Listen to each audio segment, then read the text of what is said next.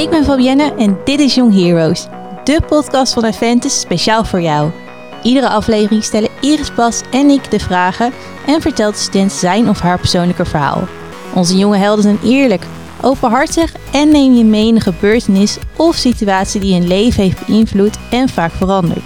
Hoe gingen ze hiermee om? Wie stond er voor ze klaar? En welke les hebben ze hiervan geleerd? Check snel Young Heroes. Young Heroes.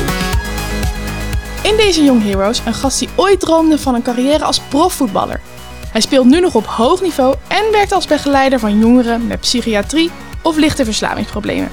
Hij heeft zijn leven nu op orde. Maar dit is niet vanzelf gegaan. Zijn moeder overleed namelijk toen hij 17 was. Wat deed dit met hem? Van welke vrienden kreeg hij op? En hoe kijkt hij naar vriendschap in zijn werk? We vragen het aan Pernelli Bia, oud-student van Aventus. Het gesprek met Pernelli hadden we een jaartje geleden. Maar aan het eind van de aflevering maken we dan ook een tijdsprong en checken we even hoe het nu met hem gaat. Laten we beginnen. Dit is de tweede Young Heroes over vriendschap. Young Heroes. Dag Benelli. Dag. Hey. We zitten hier niet alleen. Iris en Fabienne. Ja, wij zijn er ook. Ja. Hebben jullie wat met voetbal? Nou, eh, als ik heel eerlijk moet zijn, vind ik voetbal leuk om naar te kijken. Soms. Ehm, omdat, hè, een paar knappe spelers of iets. Maar ik weet er verder eigenlijk helemaal niks van. Noem eens een knappe speler. Ja, dat weet de naam niet eens. En Oké. Fabienne, jij? Ja, nee, ik sluit me volledig bij Iris aan. Ja, maar doen jullie aan sport of niet? Nou, af en toe naar Ehm, een sportschool, maar dan houdt het ook al op hoor. De wannabe uh, fit girl motivatie, eh, die zit er. Maar echt gaan, dat gebeurt nog niet echt vaak. Ja. En jij, eh, Pernelli, jij bent natuurlijk voetballer in hart en nieren. Want je speelt nu bij Dovo Ja, in Veenendaal, zeg ik dat goed? klopt. Ja. Ja. En wat betekent dat concreet? Hoe vaak in de week trainen? Maandag, dinsdag, donderdag sowieso trainen. Eh, zaterdag wedstrijd. Ja, en eigenlijk ben je zaterdag wel de hele dag eh, weg. En toen je jong was, dan was ook echt je droom, je ambitie, ik vertelde het al, om profvoetballer te worden. Ja. En welke, welke club had je in, in gedachten? Nou, op zich had ik, eh tuurlijk, als je klein jongetje bent, eh, denk je eens van ik wil bij Barcelona komen. Dat is natuurlijk, eh, ja, in mijn ogen de mooiste club van de wereld. Maar ja, later wordt het steeds eh, realistisch. Zeggen jullie dat, Iris en Fabienne? Als je dit zo hoort en, en de namen en de clubs, is dat iets wat in jullie Nou, leefwereld Ja, zit? ik ben dus, eh, ik heb van tevoren natuurlijk een beetje ingelezen. Ik ben heel erg geïnteresseerd in je verhaal en in je, in je visie. Maar dan hoor ik al die namen en dan denk ik, Ja. Dit is voor mij één pot eh, nat. Ik ken Ajax en ik ken Feyenoord en daar houdt het wel een beetje bij op. Ja. Maar FC Barcelona ken je wel. Ja, ik weet dat het een voetbalclub is, maar dan... Dat is wel de droomclub van iedere Dat, dat is het jonge jongen die voetballen. Want eh, je voetbalt nu nog fanatiek, hè? En, Ja. en eh, eigenlijk op profniveau. Ja. Maar daarnaast werk je met jongeren, hè, Mhm. bij Jongster. ja. Kun je daar eens eens over vertellen? Hoe ziet zo'n dag eruit? Meestal probeer ik wel gewoon in de ochtend eh, naar kantoor te rijden, laptop open, kijk eerst even de mailtjes door, dat is gewoon heel standaard. Ja, en dan begint het eigenlijk. eh, elke week zijn er nieuwe, ja, het zijn voor mij al geen problemen meer, maar er zijn gewoon nieuwe incidenten die plaatsvinden en eh, wat die jongens meemaken. En ja, nou, daar probeer je ze gewoon zo goed mogelijk bij te begeleiden. En ook veel ik spreek ook veel vanuit mijn eigen ervaring en vanuit mijn eigen visie. Wat, dat wat, probeer ik. eh, wat vertel je dan eh, uit je eigen ervaring? Nou, ik heb bijvoorbeeld eh, een jongen die dan vluchteling is geweest. En nou, ik ben dat ook geweest met mijn ouders. Wij zijn ook hier naartoe gekomen. En nou, hij zegt dan van, ja, jij hebt een heel mooi leven. Ik zeg, ja, maar ik begon precies zoals jij hier bent gekomen. Dus jij kan dat leven ook wel krijgen. Want waar, waar kom je vandaan? eh, Oorspronkelijk uit Congo. Ja, oké. Ja. En je bent op hoeveeljarige leeftijd? eh Ik was eh, drie maanden oud, nog een kleine babytje. ja, oké. Ja. Dus je hebt geen herinneringen aan Nee, Congo in nee, dit geval. nee. Wat neem ons eens mee, Penelli? Wat, wat zijn de problemen of wat, wat schets eens het, het leven of het beeld van zo'n jongere? Nou, zit veelal thuis eh, in de uitkering. eh, ja, heeft eigenlijk, wij zijn overdag eigenlijk aan het werk en hun zijn in de nacht eigenlijk dingen aan het doen, ja, wat soms niet hoort of eigenlijk gewoon niks aan het doen. Moeilijk te activeren, schulden, eh, ja, zorgen voor proble- eh, problemen, niet alleen bij zichzelf, maar ook bij anderen. Ja, ik denk, ja, daar, zeg maar, iemand die van afstand naar hun kijkt, die denkt dan gelijk van, ach ja, daar heb je ze weer. Maar soms moet je ook gewoon met die, met die eh, jongens in gesprek gaan, omdat het vaak ergens vandaan komt. En niet iedereen heeft daar invloed op. Ze kunnen er ook niet allemaal wat aan doen eigenlijk. Wat motiveert jou om met deze jongeren te werken? Nou, ik denk dat iedereen eh, die heeft een bepaalde kwaliteit. En eh, als je dat bij iemand kan ontdekken en daarmee aan de slag kan gaan, dan eh, komt iedereen wel voor hem doen op het juiste pad. En ja, mijn uitdaging is gewoon om die kwaliteit bij, de bij die jongens te ontdekken en hun dat mee te geven, dat ze wel wat hebben waar ze ook daadwerkelijk wat mee kunnen doen. Eh, je vertelt er nu heel rustig over. Je hebt het goed, Mhm. lij- eh, goed voor elkaar. Je hebt een baan. eh, je hebt een leuke voetbalcarrière. Je voetbalt nog Ja. steeds op, op hoog niveau. Ik weet dat je een huis hebt gekocht, volgens mij. Ja, ook. Een leuke vriendin hebt. Ook. Zelfs nog weer afstudeert, hè, in de Ja. HBO. Maar er is ook wel een moment geweest waarop de wereld er even anders uitzag. Ja, dat je stond op het punt om prof te worden. Of je zat er heel dicht tegenaan. Ja. De, de roem lag op je te wachten. En Mhm. toen? Wil je ons daar eens mee naartoe nemen? Ja, eh, toen eh, overleed mijn moeder, zo plotseling uit het niets. En eh, ja, ik denk dat voor iedereen, ja, dan, ja, dan stort je wereld eigenlijk in elkaar. Je denkt op dat moment eigenlijk aan alles. En tegelijk ook weer aan niets. Je hebt ook nergens zin in. In ieder geval ik er niet. En ja, dan denk je wel van, je, je besef dat ik toen zo dicht bij een profcarrière was of zo goed bezig was met school, daar denk je niet aan. Want iets wat heel kostbaar en, die, en dierbaar is, dat valt weg. Want Dus- hoe, hoe oud was je toen, eh Penelli? 17. 17 jaar. Ja, Oké, en ze overleed plotseling, hè? ja plotseling. Ja. En eh, hoe, hoe moeten we Penelli ons in die periode voorstellen? Eh, heel introvert, eh, niet sociaal meer. Dus niet praten met, met andere mensen. Echt gewoon op mezelf was ik. Dus ja, ik had ook geen behoefte aan contact met anderen. Maar 17 is ook wel echt een hele lastige leeftijd. Het is altijd lastig Ja. om natuurlijk een ouder te verliezen, maar 17. Ja, Maar ehm, mag ik vragen wat er met je moeder is gebeurd? een hersenbloeding. Oké. Ja. Dus dat was gewoon ineens eh, Ja, gebeurde dat. Dat is wel een eh, flinke impact. Want is het iets wat, wat jullie eh, kennen of mee hebben gemaakt? Of eh, zeg je van nee, dat is voor mij echt eh, niet voor te stellen om op die leeftijd zoiets mee te maken? Nee, het is voor mij heel lastig om me daarvoor in te schatten. Het is wel, vorig jaar werd mijn vader ziek en toen had hij een paar onderzoeken. En toen moesten wij twee weken wachten eh, op de uitslag of hij eh, kanker had en daaraan zou overlijden of dat het iets anders was. Uiteindelijk had hij gelukkig een hele ingewikkelde chronische ziekte. Maar wel heel erg in die spanning van ga ik iemand verliezen? Maar dan, ehm, een beetje stom gezegd, bouw je, er nog, bouw je dat nog op. En een hersenbloeding of een ongeluk, dat is natuurlijk echt ineens. Ja, En dat lijkt me heel lastig om voor te stellen. Want ik weet dat ik toen echt in twee weken in een soort van bubbel van angst heb geleefd. Maar dat is natuurlijk heel anders dan op het moment zelf. Ja. Dat het ineens gewoon gebeurt. zeker. Dat is wel een groot verschil, denk ik. denk ik ook wel. Ja, dat wat u dan net ook zei. Ik ben wel heel rustig. Jij en, jij. ik ben wel heel rustig en nuchter.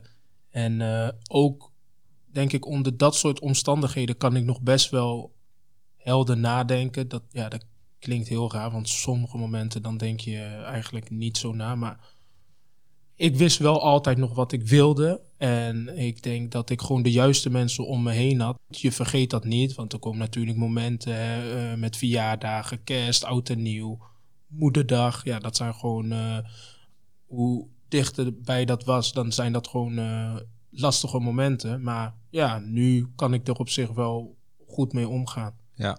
En ik, ik kom zo even over op eh, de mensen om je heen, zeg maar. Maar Mhm. ik ben toch wel benieuwd. Je zegt, ik, ik, ik kon er rustig mee omgaan.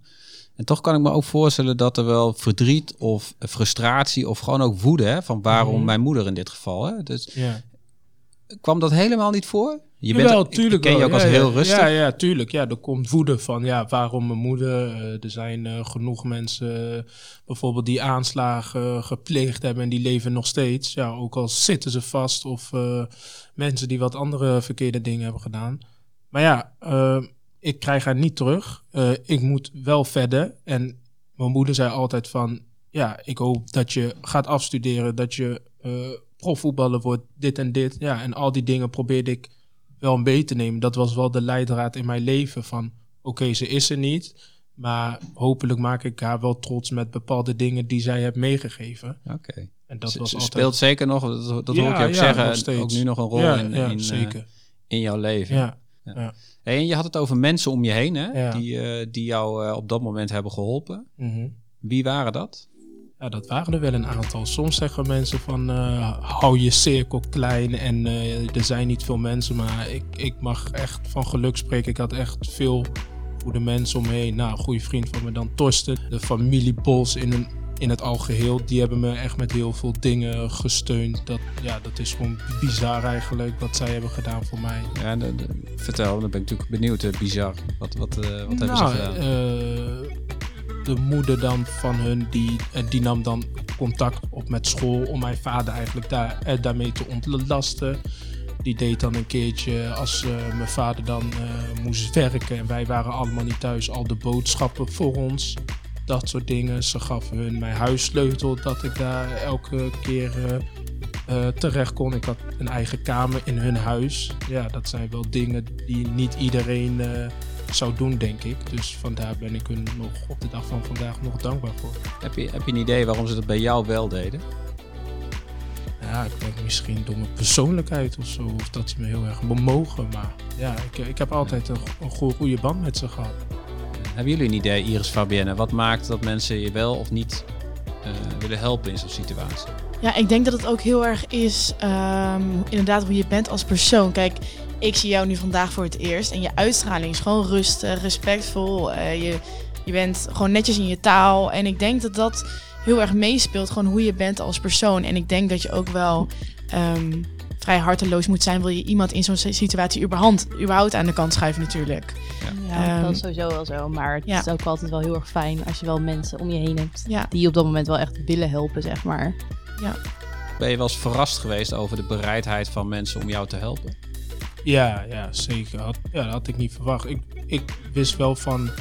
Ja, ik probeerde altijd ook voor die mensen die ik om me heen had ook gewoon eh, eh, goed mijn best te doen. Als ik ze kon, on- eh, kon ondersteunen, dan deed ik dat ook altijd. Misschien vandaar ook waar ik ben beland in mijn werk. Maar ja, soms was het wel iets dat ik dacht van zo, ja, dit is wel echt uniek dat iemand dat voor mij of voor mijn familie over heeft. Maar eh, ja, wel heel dankbaar voor. Hey, en, en ben je ook vrienden kwijtgeraakt of eh, door keuzes die je hebt gemaakt of door de situatie? Eh, Of heb, je, heb jij zelf afscheid genomen van mensen? Ja, bepaalde mensen heb ik wel op afstand gelaten. Wil je daar iets over zeggen? Wat, wat dan redenen kunnen zijn? Of, of Ja, dat, ik, ik denk gewoon als ik met die mensen nog steeds was geweest, dat, dat, dat ik dan misschien ergens anders was beland. Dat is misschien een te groot woord, maar die hadden gewoon niet zo goede invloed als de mensen die ik nu om me heen heb. Dus ja, dan hou je daar wel afstand van. ja, ben je Ja. daar ook scherper in geworden? Ja, dat je sneller scherp. keuzes maakt Ja. van... heel scherp. Je ziet soms wel momenten, natuurlijk, als iemand eh, overlijdt. Eh, het was heel druk bij, eh, bij de uitvaart van mijn moeder. En je ziet heel veel mensen. Maar ik ben dan wel zo iemand van die dan een beetje gaat kijken: oké, je hebt er altijd een aantal die op zo'n dag heel erg op de voorgrond willen staan of heel erg de aandacht trekken. Maar vaak zijn dat niet de mensen die, die je op lange termijn ziet ik weet nog heel goed dat, eh, dat Annette toen eh, van de familie Bos daar ook was. En die stond eigenlijk helemaal alleen, afgezonderd van iedereen. En nou, die gaf nog een knuffel en die ging eigenlijk ook alleen weg, terwijl eigenlijk iedereen nog bleef staan. En dat is eigenlijk de vrouw die me daarna het meest heeft eh, ondersteund en eh, alles. Dus ja, vaak zie je dat eh, mensen op zo'n dag met hele grote boeketten komen en laten zien van ja, ik leef heel erg mee. Maar na een maand of drie zie je die ook niet meer. Nee. En we spreken straks, wat ik al zei, Torsten even. Een Mhm. vriend die je volgens mij al wat langer kent, maar die nog steeds een, een belangrijke rol in je leven speelt. Goede Ja. vriend is. Ja, Wanneer is iemand een vriend voor jou? ja goede vraag. Je mag er even over nadenken. Eh, nou, ik denk gewoon als je alles tegen elkaar kunt zeggen. eh, dat je open en eerlijk naar elkaar bent en eh, alles met elkaar kunt delen. Ik denk dat je dan wel een vriend bent. Dat je niet denkt van, ah, ik zeg het toch maar niet, want ik ben bang dat je het aan anderen vertelt. Nee. En als hij gewoon klaar staat voor je in moeilijke tijden, maar ook in goede tijden. Ja. ja. En dat doet hij volgens mij, hè? Altijd. Ja. Hey, en Iris en Fabienne, is dat, eh, als je dit Benelli hoort zeggen, is dat ook hoe jullie naar vriendschap kijken? Ja, ik denk dat iemand een goede vriend of vriendin van mij is als het gewoon, als diegene accepteert hoe ik ben en er gewoon is. Ik denk dat je een vriendschap, ja, ik voel dat altijd heel erg. Iemand voelt voor mij goed, zijn aanwezigheid, of ik denk van ja, ik weet het niet. Het is bij mij altijd heel erg een gevoel. Ik weet niet of dat komt omdat ik gewoon eh, emotioneel ben of zo. Ik heb geen idee. Maar ja, het is echt een gevoel bij mij. Ja, nou weet ja. ik toevallig dat eh, jouw buurvrouw ja. is eh, ook jouw beste vriendin, hè? Ja. Jullie wonen zelfs bij elkaar in huis, dus Ja. 24 uur per dag ja, bij elkaar. Dat zei je ook, hè? Zij is de enige Ja. die ik 24 uur per dag om me heen kan hebben. ja. En ehm, wat maakt dat nou? Wat, wat is nou zo bijzonder in jullie vriendschap? Oh, wij zeggen eigenlijk altijd dat wij een soort soulmate zijn op vriendschapgebied. Bromance. We hebben ja, een we hebben een bromance. bromance. Ja. Zo noemen we het eigenlijk altijd. Ja. Hoe noem je Ja. het? Een bromance? Een bromance. We zijn bro's. We hebben een romance, dus een, een bromance. Ah, oké. Ja, en ik denk dat dat komt omdat ehm, wij elkaar heel erg aanvullen op bepaalde Ja. vlakken. En ehm, elkaar ook lekker laten, weet je. Ik ben heel zelfstandig en Fabienne ook. En we hoeven niet voor elkaar te zorgen. We gaan gewoon onze gang. En daardoor is het heel relaxed. Er is geen moeten in onze vriendschap. En dat maakt het zo goed, denk ik. Oké. Je moet elkaar niet forceren in dingen, want dat werkt gewoon niet. Dus jullie spreken elkaar straks niet aan op eh, de afwas die op de aanrecht staat. En, eh, Nee, wij hebben een maniertje wat echt super raar is. Maar wij, wij maken altijd nep ruzie, zeg maar. Dat is echt, dat je werkt denkt, heel goed. "Huh?" maar kijk, weet je, stel je zit met je voeten op tafel. En ze Fabienne en ik zeg, ehm, zou je eventjes je voeten van tafel willen halen? Dat is zo ongemakkelijk. Dus ik zeg gewoon, jeetje man, kneus, haal die voeten eens van tafel. Ja. En dan zegt ze, nou oké. En dan is het gewoon een grapje, maar ze weet wel dat ik het meen. Oké. Hey, en Penelli, eh, je werkt nu veel met jongeren. Eh, je werkt bij Jongster. Ja. En ehm, als je kijkt naar vriendschap en naar het aangaan van een relatie eigenlijk eh, met die jongeren, hoe doe je dat? Eh, u bedoelt... eh, Je, ja, sorry, ja, ben goed opgevoed. Eh, de vriendschap tussen de jongeren en ik? Of... ja, of jouw rol, hè? Ga- ga- baseer je dat soort eh, relaties met die jongeren op, ba- op vriendschap? Of is dat toch iets anders dan bijvoorbeeld de vriendschap met Torsten? Of- Ja, het, ja, het is wel anders dan de vriendschap met Torsten. Ik zou bijvoorbeeld met de, met de jongeren niet delen van... eh, nou, ik heb eh, ruzie gehad eh, thuis. Weet je, dan denk ik van ja, hun hebben al hun eigen rugzakje. En ik denk dat dat ook niet heel professioneel is. Maar ik hoor wel vanuit de jongeren terug van... Ja, eh, wij zien eh Penelli als eh, broeder van ons en, en als vriend. En ik krijg ook appjes. Yo bro, hoe is het? Ja, nou heb ik wel gewoon terug. Ja, goed met jou. Ik vind dat ook niet erg. Zij mogen mij zo wel zien. Maar ik hou wel de afstand die ik wil. En zij weten ook gewoon van mij. Dat heb ik ze gewoon vanaf het begin duidelijk gemaakt. Ik werk heel flexibel. Eh, als ik naar de club rijd in de avond, dan heb ik mijn werkmobiel nog aan. Eh, dus dan kunnen ze ook nog eens bellen of ik bel hun. Maar eh, in het weekend, dan ben ik gewoon vrij. Dus ja, dan wil ik ook niet als ik hier in de stad zou lopen, dat eentje nog komt van... hé, hey, mijn uitkering is niet gekomen. Help- kan, help kan je mij mij even. even Ja. ondersteunen? Dus ja, ik hou die afstand en nabijheid wel... eh, Daar ben je wel heel bewust mee bezig, ja, hè? ja, omdat ik ook gewoon uit Apeldoorn kom en ik ken ze vaak voordat ik al in de, eh, dat ze bij mij in de begeleiding komen. Ik heb jongens gehad waarmee ik in de klas heb gezeten en die ik daarna moest begeleiden. Dus ja, die weten al heel veel van je. Dan kan je, je, eh, je kan het beter zo goed mogelijk oppakken en gewoon gelijk duidelijk zijn en eerlijk dan dat je dat achteraf hebt en oneenigheid krijgt en ja, dan moet je het hè, denk ik niet hebben. Ja, want, zij, wat, wat zie je bij deze jongeren dat ze hè, de vriendschappen die jij eh, hebt ontdekt eigenlijk ook toen, eh, toen je moeder overleed en de waarde daarvan, hè, wat je zegt van daar ben ik eigenlijk nog steeds dankbaar voor. Eh, zie je dat bij deze jongeren juist niet, dat die vriendschappen er niet zijn of niet ontstaan? Of, Nou, ze hebben allemaal wel vriendschappen en, en eh, ja, ik denk wel genoeg vrienden.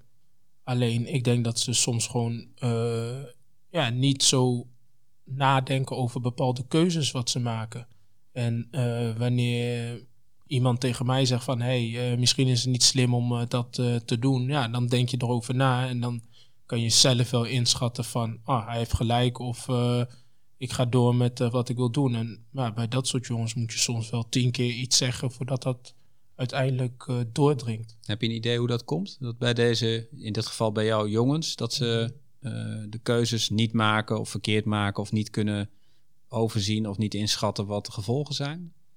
Nou, ik denk misschien ook dat de omgeving hun daarin niet eh, motiveert om bepaalde dingen wel of niet te doen. Als de omgeving al slechte invloed hebt en jouw omgeving telt tien man en ik ben als enige en ik ben er maar een jaartje als, be- als eh, begeleider en de omgeving, daar ben jij mee opgegroeid. Ja, dan is het vaak wel simpel welke kant je gaat kiezen. Heb je dan nooit zelfs dat je denkt, oh, ik moet echt even tot tien tellen, want ik heb het je nou wel honderd keer verteld en je luistert nog steeds niet, zeg maar, even grof gezegd. Nou, dat had ik eerst wel. Maar nu zeg ik gewoon, eh, ik had eh, laatst een eh, dienst dan ook op de woonbegeleiding. En eh, gingen mensen, die, die moesten dan om 11 uur naar bed. En dan gingen mensen constant eruit. Hele tijd. Dus dan moest ik constant naar boven en gaan zeggen, ga nou eens in je kamer. Toen ben ik er gewoon naartoe gegaan. Zei ik van, eh, wat is het plan? Ja, wij willen roken. Zeg ik, ga maar. Ja, officieel mag dat niet. Maar ik dacht van, ja, eh, als je nee gaat zeggen om 1 uur in de nacht tegen vier dames, dan heb je om één uur tot drie uur een discussie. Dus daar had ik ook geen zin in. Nee. Ik zei, ga maar. Kwamen ze terug, zei ik gewoon, eh, ja, dan zeg ik gewoon tegen hun van, dames, het maakt mij allemaal niks uit. Doe de hele avond maar wat je wilt. Ik heb mijn baan, eh, ik zit goed. Ik rij straks in mijn auto naar huis toe. Ik zeg, en als jullie zo doorgaan, weet je wel, elke nacht in en uit. Ik zeg, dan eh, wordt het de aankomende tien jaar niet zo eh, super voor jullie. Dus eh, denk, daar denk daar maar even over na. En toen eh, bleef ze op een kamer. Nou, goede aanpak wel. Ja. En, wa- wa- en wat ik je hoor zeggen is wel eh, dat naast dat je een spiegel voorhoudt en, en grenzen stelt en eh, af en toe ook gewoon zegt nu even niet, is dat je ook wel ehm, anekdotes, gebeurtenissen uit je persoonlijke leven gebruikt of Ja. inzet hè, om, om jongeren eh, iets duidelijk te maken. Ja. Heb je daar een voorbeeld van? Ehm, nou, wat ik dus zei tegen die jongen die als vluchteling hier naartoe is gekomen van... Ja, ik ben ook als vluchteling gekomen met mijn ouders. Nou, eh, ik, ik begon op school, eh, werd ik vanuit de basisschool zeiden ze dat ik niet goed kon leren en dat ik naar LWO Plus moest. Nou, ik wist van mezelf dat ik wel gewoon slim genoeg was. En nu ga ik op het HBO afstuderen. Ik zei, ja, ik denk dat jij dat ook kan als de wilde maar is. En mocht het zijn dat je niet op het eh, HBO kan afstuderen en eh, het MBO, ik zeg, dat is ook gewoon goed. Het is niet eh, dat de ene beter is dan de ander. Ik zeg zo, ja, je kan ook in je werk, kan je daarmee doorgroeien. En ik zeg, als je alles maar daarnaast op de git hebt. Dus dat probeer ik hem in ieder geval wel mee te geven. Ja. En, en bijvoorbeeld hè, het moment voor jou, een belangrijk moment in je leven, het overlijden van je moeder, is dat iets wat je af en toe nog met jongeren bespreekt of Ja, als ja. voorbeeld? Jawel, ja, daar heb ik het ook wel over. En dan krijg ik ook wel eh, terug van die, van die jongens van, oh, echt eh, respect hoe je alles hebt opgepakt. En eh, ja, ik vind dat ik dat wel met hun kan delen. Want als je daar nu op kijkt, inderdaad, wat heeft het jou eh, het meeste gebracht? Dat, dat hele nare, vervelende moment, hè, het overlijden van je moeder. Eh, waarbij ook op dat moment ja, het onmacht en, en boosheid. Maar als je daar nu op kijkt, als je kijkt van wat heeft het jou nu gebracht? Eh, niemand kan mij meer iets maken. Nou, Ja, wow. ja. Ben je daarom ook zo rustig? En, Ja, en- ik denk het wel. En relaxed, ik durf voor mezelf op te komen. Ja, ik durf nu ook gewoon naar mensen toe te stappen. eh, naar mijn teamleider of Ja. naar mijn baas van werk. Als ik ergens oneens ben, wat ik eerder niet zou doen. Of naar school. Ja. Als, ja, ik durf gewoon meer. We gaan eh, even bellen met eh, iemand die je al in de uitzending hebt genoemd, met Torsten. Ja, en eh, als het goed is, Iris en Fabienne, jullie kunnen ook gewoon mee eh, Ja. kletsen. Want Penelli, je hebt natuurlijk heel veel verteld over jezelf. Maar we zijn natuurlijk ook benieuwd hoe, in dit geval Torsten, daar tegenaan kijkt. Dat is goed. We gaan kijken of we hem eh, kunnen bereiken. Ja, ik hoop het. Hij is wel druk altijd. Een druk mannetje. Ja, hij is Hallo met Torsten. Dag Torsten, je spreekt met Bas Schepers van de podcast Young Hi. Heroes. Goedemiddag. Goedemiddag. Hey Torsten, eh, je weet in ieder geval dat, dat we bellen omdat eh Pernelli hier bij ons zit. Ja, zeker. Een, eh, een goede vriend van jou. Ook zeker. Ja, hoe lang kennen jullie elkaar al? Hoe, eh, hoe lang kennen we elkaar al? Vanaf 2006. Dus eh snel rekensom, ik denk 14, 15 jaar misschien wel, ja. Oké, en wat was, weet je nog het moment dat je Pernelli leerde kennen? Eh, ja, op school. ehm, we kwamen bij elkaar in de klas te zitten. En ehm, ja, we hadden gelijk wel gewoon een goede klik. En eh, we dachten hetzelfde over dingen. We konden, het, ja, we konden lachen om dezelfde dingen. En ja, en dus zodoende dat we ja, na schooltijd ook vaker met elkaar om zijn gegaan. En ehm, ja, dat, ja, dat is nu nog steeds zo eigenlijk. Er is niet heel veel in veranderd, gelukkig. En ehm eh, Penelli heeft ook verteld over een, een dramatisch moment of een, een eh, heftig moment in zijn leven op jonge leeftijd. Eh, volgens mij waren jullie toen ook al vrienden, het overlijden van zijn moeder. Ja, zeker. Dat was, dat was een stuk later was dat. Ik meende dat dat... Toen was Perry 17 toen dat gebeurde. En toen kenden we elkaar al wel een hele poos. Ja. Wat, wat zag jij bij Penelli gebeuren? Ik kan nog wel heel goed herinneren dat die klap echt wel wat later kwam bij Perry. En later bedoel ik misschien een maandje of zo. Dat hij er echt, echt dacht van ja, mijn moeder komt gewoon nooit meer terug. En als je dat op 17-jarige leeftijd eh, echt eh, ja, doorgedrongen krijgt. Dan is dat, eh, ja, je staat midden in de puberteit, in het, midden in het leven. Je moeder die is alles voor je. En dat was voor Perry was dat ook zeker zo. Is dat toch wel een hele, hele donkere periode geweest eh, uit zijn leven. Wat heb jij toen voor hem kunnen betekenen? Of, Ja, ik, het, het was voor mij ook moeilijk. Ik, eh, ik heb zoiets nog nooit meegemaakt dat dat eh, überhaupt bij mezelf niet gebeurd is. En ook niet bij een goede vriend direct naast mij. En ehm, ja, ik wilde Perry in eerste instantie wel de ruimte geven. Maar op een gegeven moment kwam ik er wel achter dat hij zich een beetje aan het vereenzamen was. En, en ik vond dat in een bepaalde periode niet erg. Omdat ja, iedereen heeft zijn eigen manier om dingen te verwerken. Maar op een gegeven moment werd het toch wel tijd om ja, zeg maar gewoon het trap zijn kont te geven. En eh, ja, en toen ging het eigenlijk wel snel. Ik, heb ja, heel veel respect voor Perry, hoe die mentaal in elkaar zit. En hij heeft dingen daarna ook zelf heel goed op weten te pakken.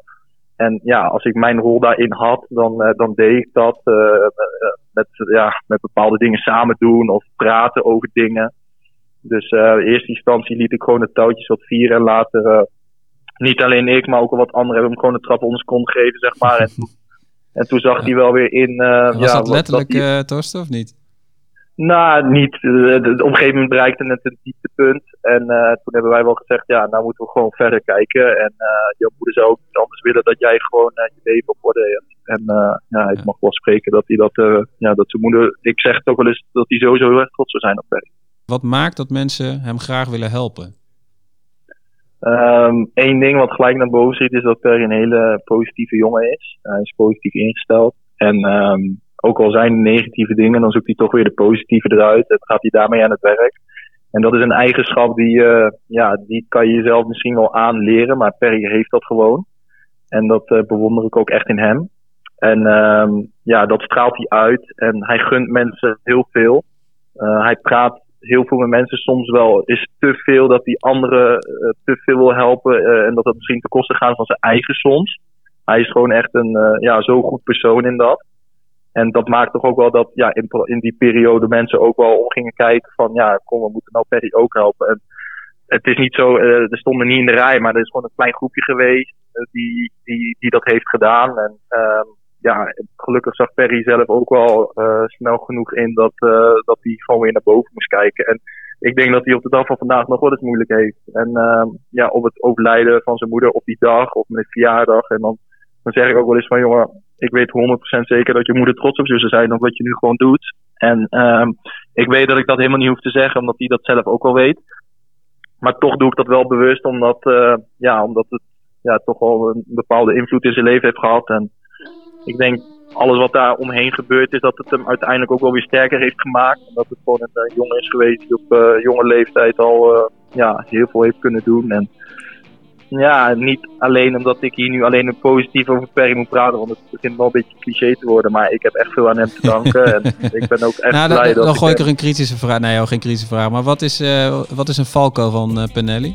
Ja, het enige wat ik net al aangaf, dat hij ook wel aan zichzelf moet denken af en toe, denk ik. Dat dat misschien het Ja. wel al kan zijn. Maar ehm, nou, verder, eh, nee. Ik heb, ik heb geen slechte eigenschappen los van het feit dat hij af en toe een beetje laat is. Maar ja, dat eh, ben, ik, Ah, ben ik- kijk, ben ik- ben ik zelf ook. Toch dus, iets waar die... eh, nee. ja, ja, oké. ja, dat is dan weer... je bent, jullie zijn allebei niet zo van de tijd, zeg maar. Ik wil heel even aan Penelli vragen, terwijl Torsten nog luistert. Hey, hoe, hoe is dit voor jou, om deze woorden van Torsten te horen? Ja, leuk. Leuk, maar wat hij ook zegt, wij, hebben het eh, wel vaak over. We hebben vaak wel als we... Met sommige vrienden ga je echt chillen. En, eh, maar met Torsten heb ik vaak wel gewoon diepe gesprekken. Ook als we met z'n tweeën uit eten gaan, gewoon over het leven. Ja, dat maakt denk ik onze vriendschap ook gewoon echt eh, interessant. Dus, ik, eh, ik kijk even naar rechts. Hè. Jullie vriendschap, is, als als je dit hoort van Torsten over Penelli en, en Penelli, is, het- is het vergelijkbaar of, of herken je dingen? Ja, het is wel heel herkenbaar. Vooral Dat ook wel. dat niet storen aan elkaar, dat heel erg. En ook inderdaad die diepe gesprekken. Ik denk dat mensen lagen hebben. En het ene mens heeft vijf lagen en eh, ik heb er 36. Want ik kan ook echt heel erg filosoferen over alles. Fabienne kan dat ook. En inderdaad, als je dan uit eten gaat, komen er echt van die vragen van... joh, eh, hoe zit het in elkaar? Wat vind je van dit eh, vraagstuk? En dat soort dingen. En dat maakt je vriendschap ook wel mooi en bijzonder, denk ik. Dat je gewoon meerdere lagen en vlakken hebt. En dus het is, eh, jullie verhaal is wel herkenbaar. Ja, Ah, oké. Hey Torsten, heel erg bedankt. Ja, geen dank. En eh, Graag gedaan. wellicht tot een volgende keer. Dankjewel. Oké, tot ziens. Doei, Oké, doei. doei. Hey, P- Penelli, nog even naar het, naar het nu. Hè? Dus eh, over vijf jaar bijvoorbeeld. Ik zeg het nu, maar als, als je nu kijkt nu in de toekomst, over vijf jaar. Hoe ziet jouw week er dan uit? Ja, ik denk eh, niet heel veel anders dan nu. Alleen ik denk dat ik dan wel een klein heb rondlopen. Ah, oké. Ja, ja dat zou ik wel mooi vinden. Ik ben wel eh, eh, benieuwd eh, of die jongeren ook bij jou hun dromen neerleggen. hè? Ik vroeg naar jou over vijf jaar. Nou, dan Ja. gaf je aan, goh, ik zou eigenlijk zeg je, ik wil vader worden, ik zou vader Ja. willen zijn. En Zijn dat dromen of dingen die die jongeren ook met jullie bespreken? Ja, ja, ik heb wel eentje die wel echt zijn dromen uitspreekt en waar die wilt staan in de toekomst. En ja, nog een andere die wil een eigen bedrijf. Ja, en ik ga ook niet zeggen van dat kan jij niet. Want ja, als hij dat wilt en de mogelijkheid is er, ja, dan denk ik dat ik hem daarin gewoon moet steunen en eh, motiveren om dat te doen. Oké, en Iris en Fabienne, hè, zouden jullie dat werk, het werken met jongeren, eh, het werk wat Penelli doet, zouden jullie dat kunnen doen? Nou, het lijkt me wel echt super interessant. Dat wel. Maar ik denk niet dat ik zelf daar de juiste persoon voor ben. Want ik ben sowieso iemand die heel erg het probleem van anderen ook naar mezelf toe trekt. En ook daar zelf best wel heel erg verdrietig en ook emotioneel over zou kunnen worden, zeg maar. Dus ik denk dat ik daar niet echt stabiel genoeg voor zou kunnen zijn, denk ik. Ja, daar kan ik me wel een beetje bij aansluiten. Ik heb heel lang getwijfeld of ik psychologie wou studeren in Mhm. plaats van mediaredacteur, zeg maar. Omdat ik het heel interessant vind hoe een brein werkt en waarom iemand bepaalde acties doet. Eh, of inderdaad dan in gesprek gaan met jongeren. Ik vind het wel echt een hele mooie baan. En ik merk ook dat ik degene ben binnen mijn vriendengroep die altijd loopt te pulken bij iedereen van wat is er aan de hand en kan ik je Mhm. helpen. En ik vind het ook heel fijn. En als ik dan nu zo jouw verhaal hoor, dan denk ik toch ook wel, het is wel een heel mooi vak. En ja, ik doe nu camera, maar ik hoop stiekem dat als ik later heel veel geld heb, dat ik dan een of andere foundation of zo zou kunnen opzetten. Omtrent jongeren of iets met vrouwen. Ik, Maar dat werk wat jullie doen, ja, dat lijkt mij dus wel echt eh, interessant. En eh, mij lijkt wel mooi om in de toekomst een programma te kunnen presenteren met een maatschappelijk eh, thema eraan. Ja, en dus ik heb al wel een, eh, Idee. Ja, ik heb wel wat ideeën, ja. Daar kun je iets over loslaten? Nou, ik, ik vind wel, ehm, zeg maar, in, in het Westen werken ze veel bijvoorbeeld met eh, buurtvaders. En ik zou daar wel een dagje mee op pad willen gaan in Amsterdam, Zuidoost en in Rotterdam. Om dat te laten zien, omdat ik denk dat die mensen. Ja. eh, kijk, hier in Apeldoorn heb je dan echt de jongere werkers, maar daar werken ze ook vaak met de buurtvaders. En ik denk dat die mensen zoveel invloed hebben op die doelgroepen daar. Dat je dat eigenlijk juist moet uitvergroten. En die mensen ook eigenlijk ja, belangrijk moet maken. Want ze doen echt werk wat, denk ik, ondergewaardeerd wordt. Ja. Dus dat zou ik wel mooi vinden om die eigenlijk eh, in een positief daglicht eh Ik te sla wel even als kattenbelletje op. En dan Oké. kijk naar Iris en Fabienne, die veel met filmen zouden doen. Dus wie weet komt er een projectje uit om eens eh, ja, met Ja. elkaar... eh, want ik denk wel dat, dat is... eh, ik ben van een nog oudere generatie. Dat Mhm. film en beeld, hè, het visueel maken van wat speelt er in de wereld... voor jongeren heel eh, goed werkt. Ja.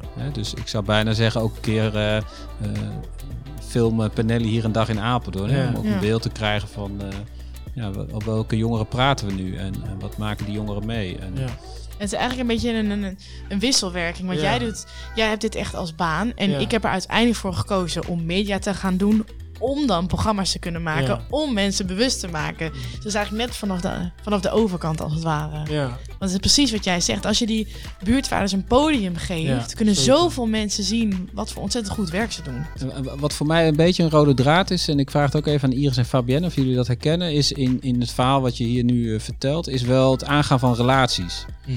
Ik heb het gevoel dat daar een hele grote kracht van jou ligt om, om toch heel makkelijk en goed relaties aan te gaan. Ik... Fabienne, hoe kijk jij daarnaar? Is dat iets wat je herkent in het verhaal van Penelli? Nou ja, ik ben zelf altijd best wel een beetje moeilijk om echt een relatie mee aan te gaan, zeg maar. Want ik ben altijd eerder echt super gesloten. Maar als je mij eenmaal kent, dan ben ik echt wel heel aardig hoor. Toch wel? Dat sowieso. maar ik heb altijd wel heel erg zelf heel erg eerst de tijd nodig. En dan kom ik er uiteindelijk wel in, dat wel. Maar ik vind het wel heel mooi hoe jij er dan bijvoorbeeld echt wel mee omgaat. Ik zou daar zelf wel iets meer in willen doen, zeg maar. Ja. Dat, eh, Dat zeg ik ook wel eens, ja. want Ehm Fabienne en ik zijn heel verschillend, want ik beuk echt overal in. Ik kom ergens en je weet dat ik er ben, want ik ben heel enthousiast. En ik ben meteen, Ja. oh, hier ben ik en wie ben jij? En wat is het verhaal? Iris is Ja, in de house. En dan echt zo. komt Fabienne zo, hi, en weet je wel. En dat is helemaal niet erg, want dat is hoe jij bent. En Ja. ehm, inderdaad, als je Fabienne eenmaal leert kennen, dan is het ook goed. Maar af en toe even, hè, Hè? kom op. Dat eh, mag soms wel. Ja, ik weet het. Maar ik heb Iris aan mijn zijde, dus dat helpt al sowieso. Meestal, Ja, weet je, je- ja. ik, ik ren gewoon ergens naar binnen en dan Moet ik wel. mee. Ja. Maar dat, dat vind ik leuk en mooi dat jullie zeggen. Dat, dat is ook wel iets wat ik uit het verhaal van Benelli haal. Is dat je hebt elkaar nodig. En Ja. je zei het net al bij zo'n studie. Hè? Terwijl Benelli juist ook zegt, ja, weet je, maar ook de mediakant of, of mensen die goed zijn in, in, in media, die zou ik juist weer kunnen gebruiken. Hè? Om, Precies. dus eigenlijk zeggen we, Ja. maar zeggen, zeggen, merk ik ook van, joh, je hebt elkaar eigenlijk nodig. Ja, want dat is ook aan. wel. Nu lijkt het net, wil ik even toevoegen. Nu lijkt het net alsof ik dan heel gezellig overal naar binnen beuk en Fabienne niks zegt. Maar dat is natuurlijk niet. Want ehm, ik heb ook die structuur nodig, bijvoorbeeld. En Fabienne, die kan juist heel goed. Die merkt dingen op die ik niet opmerk, omdat ik dan chaotisch en met mensen aan het praten ben. En zo is het juist heel mooi dat verband. Want als ik ergens zonder Fabienne ben, dan ben ik aan het rondrennen als kip zonder kop. Ja. Dus zo heb je elkaar nodig. Dus dat is inderdaad wel eh, ieder zo zijn goede eigenschap. Ja. Tip, tip, tip van de expert. Bij ons aan tafel aangeschoven Marco Bebman. Leuk dat je er bent. Net als Penelli werk je met jongeren, alleen jij richt je specifiek op zwerfjongeren. In deze podcast gaat het vooral om vriendschap en relaties. Ja, en Marco, als je nou echt specifiek kijkt naar vriendschap, wat versta jij hieronder? Ja, daar kun je een heleboel onder verstaan. Maar eh, er zijn een paar dingen die dan eh, in mijn hoofd eh, opspringen. Onvoorwaardelijk. Dag en nacht. Maakt niet uit wat je doet. Maar het is altijd goed. Dus aanhalingstekens natuurlijk. Maar iemand waar je 24-7 op kan vertrouwen. Die er voor jou is als het moet. Niet alleen als het leuk is, maar ook als het vervelend is. Eh, soulmate. Eh, iemand die van je houdt. Ja, jij vertelt dus die vriendschap dag en nacht eh, door dik en dun eigenlijk. Ja. Zie je dat ook bij jongeren, dat jongeren dat ook voor elkaar over hebben? Of moeten ze daarin leren? Maar ja, kijk, als je kijkt naar mensen, iedereen, iedereen wil, wil vrienden hebben. Ja. Hè? En als ik het daar ook wel eens met jongeren over heb, ja, dan zeggen ze soms, ah, weet je, ik heb wel 20 of 30 vrienden. Maar ja, wat zijn nou echte vrienden? Hè? En eh, ik denk dat het als hulpverlener wel goed is om daar eh, bij stil te staan. En het ook met ze erover te hebben van, ja, wat haal je daar? Hoe ziet dat eruit? En, eh, maar hoeveel vrienden heb je nu eigenlijk? Ja, precies. Ja, en houden jullie zeg maar ook als hulpverlener in de gaten of bijvoorbeeld zo'n jongere naar een goede vriendengroep gaat of misschien toch naar zo'n slechte? Ja, kijk, dat is natuurlijk heel erg lastig om dat eh, goed te organiseren. Maar kijk, ja, weet je, wij, wij, wij- ja, wij proberen daar wel wat mee te doen. Hè? Maar ehm, ja, laten we elkaar hier niet voor de gek houden. Ehm, ja, daar ben je maar een heel klein moment bij. Hè? Maar wat ik wel vaak merk is dat er dan dingen misgaan en dan bespreken we dat. Je kan niet alles controleren natuurlijk. Nee, nee, kijk, eh, ik spreek ook voor heel veel ouders en dat heeft even niks met, eh, met zwerfjongeren te maken. Hè, maar ehm, ehm, ja, weet je, eh, het moment dat ze thuis zijn is maar heel klein. Hè, en het moment dat ze buiten zijn is heel groot. Ja, dat kun je, zelfs als ouders zijn, dan kun je dat niet of nauwelijks sturen. Nee. Daar gebeurt van alles en, en, en nog wat, zeg maar. En, eh, maar ja, het is wel een interessant gegeven om, eh, eh, op in te zetten, zeg maar. Ja. Want eigenlijk is het heel erg belangrijk. Ja. Ja. Ja, want die relatie met die jongeren, hoe zie jij dat? Is dat heel zakelijk voor jou? Of probeer je dat ook een beetje vriendschappelijk in te steken? Beide. Ja, kijk, weet je, als je kijkt wie ik ben, wat ik doe, hoe ik werk, eh, ja, dan komt dat soms ook wel heel dichtbij, hè. Eh, gisteren zat ik eh, aan de Marktstraat een biertje te drinken, Ja, maar op dat terras zat ook een oud jongere van mij. Ja, weet je, zeg het maar. En er komen ook allemaal cliënten langs eh, fietsen. ja, Dus ja, weet je. eh, aan de andere. Maar ja, ik vind het wel leuk. Meestal vind ik dat wel leuk. Nou, soms word ik er ook strontziek van. ja, ja. Want eh, ja, mijn vrouw die zegt wel eens van... eh, eigenlijk kan ik niet met jou normaal de stad in. Want er zijn altijd wel mensen die wat van je willen. Hè, eh, ja, laatst waren we ook aan het eten. We zaten buiten. kwam er ook weer een jongere. En, eh, maar ja, oké. ik zeg dan wel op een gegeven moment van... nu moet je opdonderen, want eh, ik ben bezig, weet je wel. Ja. Even een telefoontje tussendoor. Maar ja, precies. Als jullie dat heel erg merken bij jongeren, dat zij eigenlijk snakken naar die vriendschap en misschien ook wel liefde, Ja. hoe pakken jullie dat dan aan? Nou ja, wij doen heel veel extra's hè, voor deze jongeren. Zondag ga ik weer met een clubje jongeren eh, rappen bij de Gigant. En eh, volgende week vrijdag eh, gaan we met eh 20 jongeren naar het Openluchtmuseum. Ja, en dat doen we natuurlijk niet voor niks. Hè. Dus ja, en we proberen heel erg onze jongeren erbij te betrekken. En dingen met hen samen te doen. En ja, weet je, daar kan tientallen voorbeelden Ja, van opnoemen. En eh, wat je dan hoopt is eh, dat ze ten eerste een leuke middag of een dag hebben. Maar ook eh, anderen weer tegenkomen, waardoor er weer vriendschappen ontstaan. Ja. En, eh, ja, weet je, dat is heel erg leuk om dat, dat te doen en te zien. Hoe is dat voor deze jongeren om echt een relatie, een romantische relatie aan te gaan? Belangrijk, heel belangrijk. Oké. Ja, kijk, eh, je kan als hulpverlener nog zo hard werken en je best doen, maar er zijn maar drie dingen belangrijk. En dat noemen ze de drie W's. Mhm. Een wijf, een woning en werk. En het is, en het is gewoon echt zo. Ja. Weet je? En, en, en, en de rest is belangrijk, maar, maar, maar dat is allemaal wat ze willen. Huisje, boompje, beestje. Ja, De drie W's. ja. Eh, ik, ik heb wel eens gedacht, eh, misschien moet ik een relatie met bemiddelingsbureau voor zwerfjongeren eh, oprichten. Oh, nou, dat vind ik niet eens een slecht Ja. idee. Hè, maar kijk, eh, ja, ik weet niet of ik dan een beetje in een grijs schemergebied kom, eh, zeg maar. Maar eh, nee, ja, dat is gewoon heel erg belangrijk. En eh, ja, weet je, daar gaan natuurlijk ook wel weer dingen fout en, eh, en niet goed. Maar Ja. over het algemeen, ja, weet je, eh, ook voor jullie is het belangrijk als er iemand van je houdt. Dus ook voor deze jongeren. Hè? Ja. En, eh, en wat je vaak ziet is eh, dat als ze een relatie hebben en dat gaat goed, ja, dat, dat, dat dat gewoon heel goed werkt. Hè? Eh, ik kwam vorige week een eh, meisje tegen die ik ooit in de hulpverlening heb gehad. Nou, die is nu getrouwd ja. en die hebben een kindje. Ze hebben een huis gekocht. Ja, eigenlijk de drie W's. ja, precies. En, en, en die gast eh, waar ze wat mee heeft, die ken ik ook vanuit mijn werk. Ja, dat was gewoon Mhm. echt een, een modderfokker, een raddraaier, een, Ja, een, klootzak, weet je wel. En, Ja. geen verkeerde jongen, maar gewoon eh, een natuurlijk talent om allerlei eh, om, om, om in de problemen te komen. En, eh, maar ja, die hebben elkaar gevonden en die hebben al jarenlang een, re- een relatie. En dat, ja, weet je, dat ja, gaat goed. dat gaat goed. Nou, dan heb ik eigenlijk nog ja, één vraag voor we er een einde aan gaan breien. En Marco, heb jij nou nog tips voor jongeren? Niet alleen dakloze of thuisloze jongeren, maar ook jongeren gewoon in het algemeen. Omtrent relaties, vriendschappen. Ja, kijk, weet je, uiteindelijk begint alles bij jezelf. Hou van jezelf. Want als je dat doet, kun je ook van een ander gaan houden. Maar ja, ik snap dat dat het meest moeilijke is. En, maar sta daar gewoon open voor. En, en, en ga van die bank af. Eh, zoek positieve dingen eh, eh, op. Ga leuke dingen doen. Ga vrijwilligerswerk doen. Ga sporten. ga iets doen. Want het komt niet vanzelf. Hè? Kijk, wat je natuurlijk heel vaak waar jongeren ziet die niet of nauwelijks relaties hebben. Ja, daar moet je ook je best voor doen. Ik, Ja. moet, ik, moet, ook- hè, ik moet ook mijn best doen om eh, mijn, vrienden, mijn vriend te houden, zeg maar. Ja. Snap je wat ik bedoel? Ja. Hè, het is niet zo dat, dat, dat... Ja, daar moet je gewoon je best voor doen. En als je daar je best voor doet, je geeft wat je krijgt. Daar geloof ik Precies. in. Ja.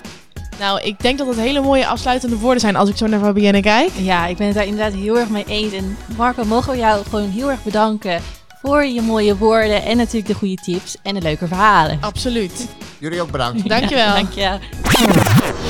Hey Panelli, eh, eh, een beetje richting het einde.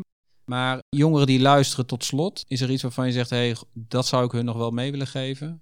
Jongeren die misschien een vraag hebben of ook merken van, joh, ik, ik, ik loop ergens tegenaan of ik worstel ergens mee. Is er nog iets wat je hun zou willen, kunnen, moeten zeggen? Nou, ik denk dat je, eh, ik denk dat je open moet staan voor hulp. En ja, daar hoef je niet voor te schamen. Je hoeft er ook niet aan de, aan, de grote klok te hangen. Maar ik denk als je denkt van het loopt even niet. Of je gaat naar een docent of naar een ouder van een vriend van je die je dan kan ondersteunen. Ik denk dat er altijd wel iemand is die je de weg kan wijzen. En eh, ja, samen ga je er dan wel uitkomen. Maar je moet er wel voor openstaan. En dat is vaak even dat dat duurt. Dat mensen vaak niet durven of schamen. Of ja, niet de juiste mensen om je heen, heen hebt. Eh, soms is de omgeving niet goed. Ja, dan moet je in een andere vijver vissen. Dus ja, dat is altijd wel... eh, ja, dat is denk ik het clue van het verhaal. Geen woord Spaans. eh. Nee, zeker niet. Hey, ik wil je heel erg bedanken. Hoe vond je het om hier weer bij Aventus te zijn? Ja, leuk, Met, eh, leuk. En, en met Iris en Fabienne die geen balverstand van voetbal hebben Nee, eh, te praten. Precies, Maar even bijpraten. Ja, die dagje. dat doen we straks nog. Ja. Ja, Ja. dat mag wel even. En, eh, even zorgen dat ze een paar wedstrijdjes gaan kijken. Ja. Oh, dat, maar dat vind dat ik vind ik leuk, wel hè? Dat Ah, vind ik oké, leuk. ja, dat wel. Ja, sorry, maar voetballers hebben wel Ja? voetbalbillen. Billen. Voetbalbillen. Ja. Voetballen hebben goede billen. Dus ja, sorry, maar dan is het altijd leuk om naar een wedstrijd te kijken. Ah, oké. Ja. Dus dan weet ik waar jij 90 minuten naar kijkt. eh. Ja. Ja, Oké. Hey, dankjewel eh, Pranelli, Iris, Ja. Fabienne. Hartstikke bedankt. ja joh. En ehm, het gaat je goed. Dankjewel, jullie ook. Dankjewel. Even een flash forward. Met Penelli gaat het goed. Hij is inmiddels vader geworden van een zoon, woont in zijn nieuwe huis en werkt nog steeds met jongeren. Ook staat hij drie keer in de week op het voetbalveld in Harderwijk. Contact met familie Bos heeft hij nog altijd en ook aan de vriendschap met Thorsten is niks veranderd.